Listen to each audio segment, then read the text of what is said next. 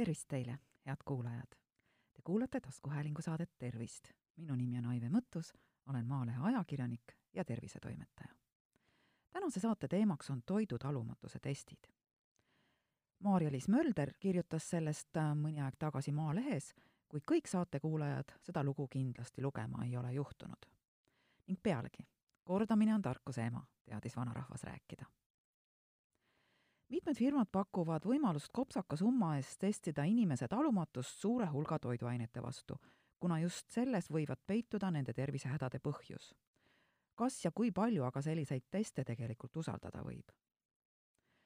lastel autism, aktiivsus- ja tähelepanuhäire, allergiad ja atoopiline dermatiit, vastuvõtlikkus külmetushaigustele, täiskasvanute puhul peavalud, seedehäired, naha- ja liigesehaigused ülekaal, väsimus, psüühikahäired ja veel palju muudki. kõik need on põhjused, miks inimesed toidutalumatuse teste tegema lähevad. enamasti soovitakse äh, testi teha siis, kui ise kahtlustatakse endal mingi toiduaine suhtes talumatust, kuid ei osata eristada, milline aine see täpselt olla võiks. sagedasemateks kaebusteks on just siis seede- ja nahaprobleemid. ühe Eestis teste tegeva firma esindaja sõnul toimivad äh, testid sütotoksilise krakke hävitava reaktsiooni alusel. mikroskoobi katseklaasil viiakse siis kokku puhastatud valk ja kliendi veri ja jälgitakse toiduainete mõju eeskätt valgetele verelibledele ehk leukotsüütidele. negatiivse reaktsiooni puhul verelibledes muutusi ei tuvastata, positiivsel juhul aga küll. ja testi tegijate vältel tekivad muutused ka leukotsüütide hulka kuuluvates lümfirakkudes nii et lõpuks nende rakumembraan hävivat.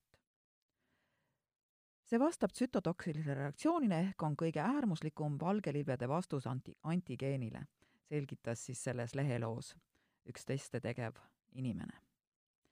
raku hävimisel vabanevad histamiin ja vabad radikaalid tekitavad aga organismis põletikulisi protsesse ja soolestiku barjäär polevat enam tõhus, hakates läbi laskma erinevaid suuremaid molekule, viirusi ja bakterite toksiine.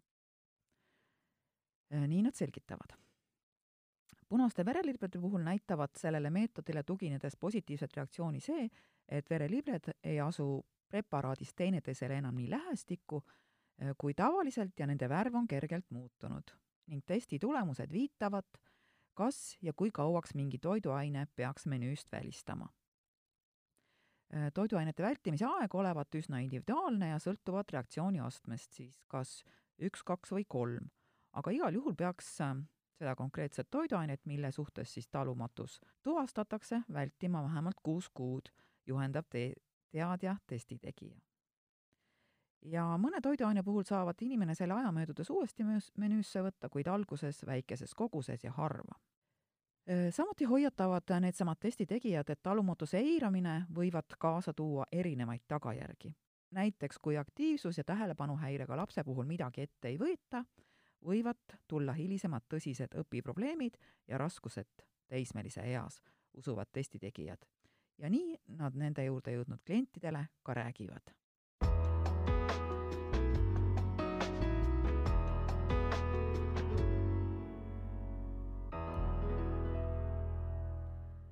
mida aga sellest arvavad arstid? Ida-Tallinna Keskhaigla allergoloogia ja immunoloogia keskuse juhataja Krista Ress tõdes äh, Maalehele, et talumatuse teema kütab Eestis tõesti kirgi. ja tema sõnul pakuvad firmad niinimetatud toidutalumatuse teste nii peavalude, seedehäirete, allergiliste haiguste, autismispektri häirete, naha- ja liigeshaiguste ning erinevate psüühikahäirete ja ka igasuguste muude tervisemurede lahendamiseks. kahjuks aga ei anna need testipakkujad ähm, doktor Ressi sõnul endale aru, et nad mängivad inimeste tervisega kui inimene tuleb arsti juurde, siis lasub arstil vastutus ja kohustus tema tervist mitte kahjustada. aga teiste pakkuvate asutuste eesmärk on hoopis muu, äri, ning neil sellist juriidilist vastutust, mis äh, kohustuks inimese tervist mitte kahjustama, ei ole. ja tõesti, kuigi teatud huvigruppide väitel on võimalik toidutalumatust diagnoosida nii tsütotoksiliste testide, IgG-tüüpi toiduantikehade, elektrodermaalsete uuringute või siis ka kinesioloogia abil, ei ole siiski suudetud nende metoodikate efektiivsust kliiniliste ja teaduslike uuringutega tõestada. tuginedes varasematele rahvusvahelistele kontrollitud uuringutele, ei ole seda metoodikat siis, tsütotoksilist metoodikat, kasutades uuringu tulemused vastastikuses seoses atoopiliste reaktsioonidega toidule ega ka teiste toidust tingitud ebasoovitavate reaktsioonidega, nagu peavalu, kõhulahtisus, väsimus ja muu. testi tulemused sõltuvad testi tegeva inimese tõlgendusest ja samal patsiendil korduvalt läbi viidud uuringute tulemused ei ole ka võrreldavad, selgitas arst. kõigele eelnevale tuginedes tunnistatigi tsütotoksiline meetod juba kaheksakümnendatel tõestamata diagnostilise efektiivsusega meetodiks. ning ka uuemad uuringud ei ole doktor Ressi sõnul suutnud mainitud puudusi ümber lükata ega selle testi sobivust diagnostilise meetodina tõestada. Mida me siis tegime, palusime mõnel toidutalumatuse teste pakkuval firmal näidata neid uuringuid, millele nad oma töös tuginevad. Ja klientidele siis viitavad, et justkui oleksid need uuringud, nende kasutamine teaduslikult tõestatud. aga tegelikult nendest uuringutest, mida meile siis näidati, polnud mingit abi. viidati kahele uuringule ja need oleksid pidanud tõestama testide sobilikkust toidutalumatuse diagnoosimisel, kuid kumbki neist ei ole kaasaegset tõenduspõhiste allikatena pädevad. ühes uuringus osales vaid viisteist inimest, kellest kolm muide uuringu käigus loobus, ja teises oli osalejaid kolmkümmend kaheksa. ning kummagi uuringu tulemusi ei saa hinnata statistiliselt oluliseks leiuks ja kummagi korral pole ka võimalik välistada juhuslikult. seetõttu rõhutavad arstid, et erinevate rahvusvaheliste eri, erialaorganisatsioonide hinnangul ei ole jätkuvalt nende tsütotoksiliste toidutalumatuse testide alusel võimalik no, diagnoosida ühtegi haigust, sealhulgas toidutalumatust. ning nende kasutamine on leebelt öeldes äh, rangelt mittesoovitav. äärmiselt oluline on adekvaatselt hinnata ka testide alusel antud ravisoovitusi Äh, sest toidutalumatuse ja toiduallergia ülediagnoosimine ning sellest tingitud asjatu hirm või sobimatu dieet võib äh, halvemal juhul välja viia väärtoitumiseni. liigrange dieet halvendab oluliselt elukvaliteeti, tekitab psühholoogilisi probleeme ja vahel võib tõesti põhjustada ka rasket äh, väärtoitumist, nagu näiteks anoreksia, buliimia, mis iganes mingit toitainet tohib pikemaajaliselt vältida vaid siis, kui selle seos sümptomitega on selgelt tõestatud. ka Tartu Ülikooli reumatoloogia professor Riina Kallikorm rõhutas, et toiduainete automaatne välistamine sellisel viisil ei ole kuidagi tõendatav ning soovitas kahtluse või mure korral eeskätt ikkagi siiski arsti poole, mitte mingi teste tegeva firma poole pöörduda. Ja kui teatud toiduaineid jäetakse menüüst pikemaks ajaks ära, võib see viia liiga ühekülgse toidunauani ning sel juhul pigem hoopis halvasti mõjuda. inimese tervis, eriti laste oma, ei ole valdkond, kus võib katse-eksituse meetodit rakendada.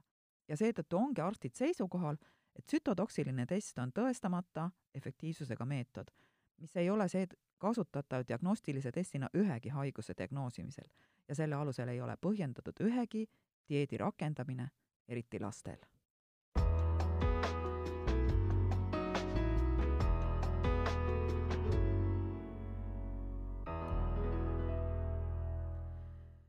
toidutalumatusest ja toiduallergiast räägitakse päris palju. ja sageli aetakse neid ka segamini. teeme siis selgeks, mis on mis. esmalt toidutalumatus. see on üks toidu ülitundlikkuse liike, mida erinevalt toiduallergiast ei vahenda immuunreaktsioonid. toidutalumatus hõlmab rea väga erinevaid ülitundlikkuse vorme, millest mõnede mehhanism ja levimus on teada näiteks laktaasi ehk pihma, piimasuhkrut lõhustava ensüümi puudulikkus, enamikul aga ebaselge või kaheldav. toidutalumatuse kaebused, milleks enamasti on nahalööbe või seedetrakti kaebused, on aga sageli allergiaga äravahetamiseni sarnased. ja toiduallergia, mis see siis on? See on immuunsüsteemi poolt vahendatud ülitundlikkusreaktsioon allergiat põhjustava toiduvalgu ehk allergeeni suhtes selle avaldumiseks on vajalik geneetiline eelsoodumus ülitundlikkuse tekkeks ja korduv kokkupuude allergeeniga. ülitundlikkusreaktsiooni käigus vabanevad virgatsained tekitavad kudede kahjustuse ja allergianähud ilmuvad enamasti kiiresti. viieteist minuti kuni kahe tunni jooksul pärast allergeeniga kokkupuudet. Kuid on olemas ka nii-öelda aeglast tüüpi allergia ja siis kulub selleks rohkem aega, kuni nelikümmend kaheksa tundi. oluline on meeles pidada, et allergia tekib alati, kui on kokkupuude kas või ka väikese koguse allergeeniga. nii et jätke meelde, toidu talumatus ja toiduallergia on kaks täiesti erinevat asja. ja kui teil just allergiat pole, siis sööge kõike, aga õiges koguses. Kui te ei tea, mida süüa ja kui palju, siis otsige raamatukogust üles professor Mihkel Zilmeri ja tema kaasautorite teos Normaalne söömine ja lugege. see on väga tore, eluterve hoiakuga ning keerulistest asjadest lihtsalt ja igaühele arusaadavalt kirjutatud raamat. head kuulajad, te kuulasite taskuhäälingu saadet Tervist. saate leiate Delfi podcastide pesast tasku, nutirakendustest Spotify, Apple Podcasts, SoundCloud ja teised. hakake jälgijaks ja kuulake just teile sobival ajal. ettepanekuid teemade kohta, mida saates käsitleda, ootan teilt e-posti teel aadressil tervist.maaleht.ee minu nimi on Aive Mõttus, olen Maalehe ajakirjanik ja tervisetoimetaja. tervist teile!